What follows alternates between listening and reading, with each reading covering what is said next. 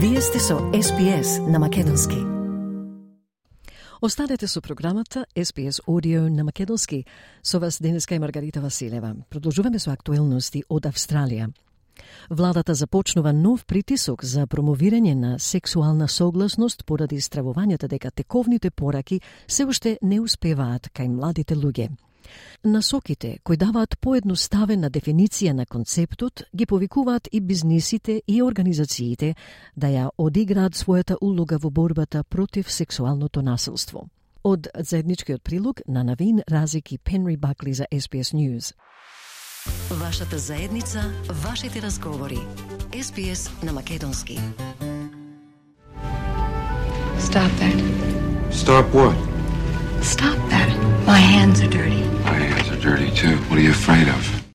Поучувањето на принципите на согласност уште од рана возраст треба да биде едноставно.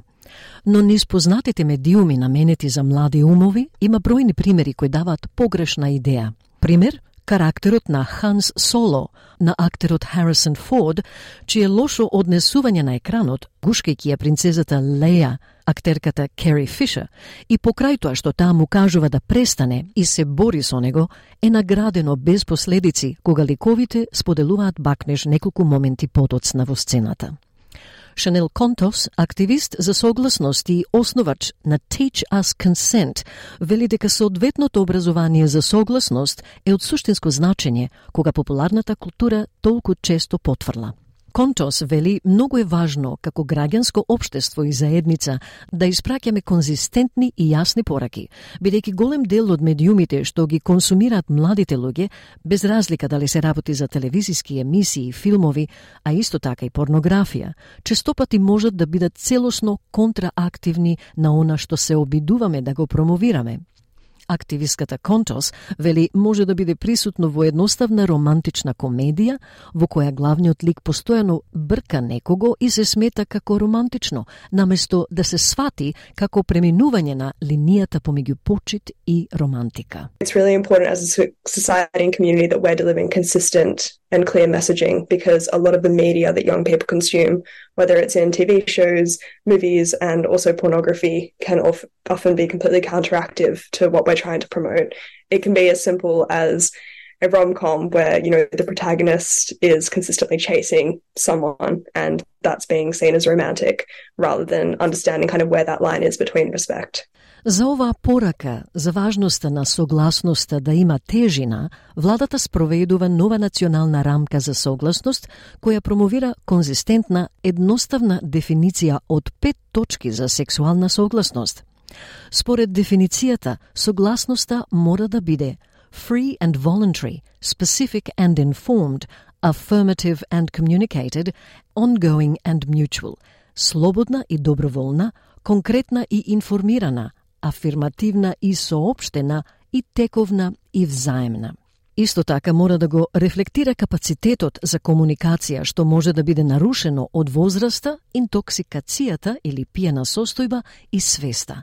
Федералната министерка за социјални услуги Аманда Ришворт вели дека рамката ќе биде обезбедена за сите политики и програми на федералната влада кои се насочени конкретно на младите луѓе, како и да бидат достапни за други организации низ Австралија. Истражувањето покажува дека немањето јасно разбирање на согласноста на вистина може да доведе до погрешно толкување и да го влоши сексуалното насилство. The research does show that uh, uh, not having a clear understanding of consent can really uh, lead to misinterpretation and indeed exacerbate sexual violence се проценува дека една од пет жени и еден од 16 мажи доживеале сексуално насилство од 15 годишна возраст. За жените, најверојатно тоа ќе се случи во рацете на нивниот сегашен или поранешен партнер. Госпогицата Ришворт вели дека рамката е клучна алатка за да помогне во намалувањето на стапките на родово базирано насилство.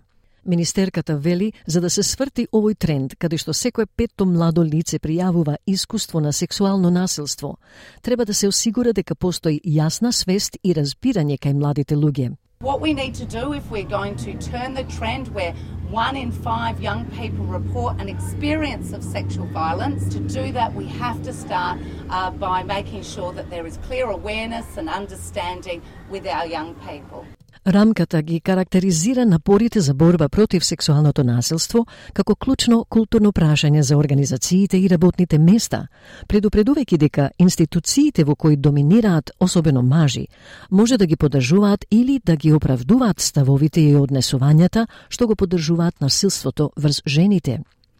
Рамката е изготвена во консултација со експерти и застапници за сексуално насилство, вклучително и господјата Контос и ќе формира основата на идните владени кампањи и програмите за партнери за почитување.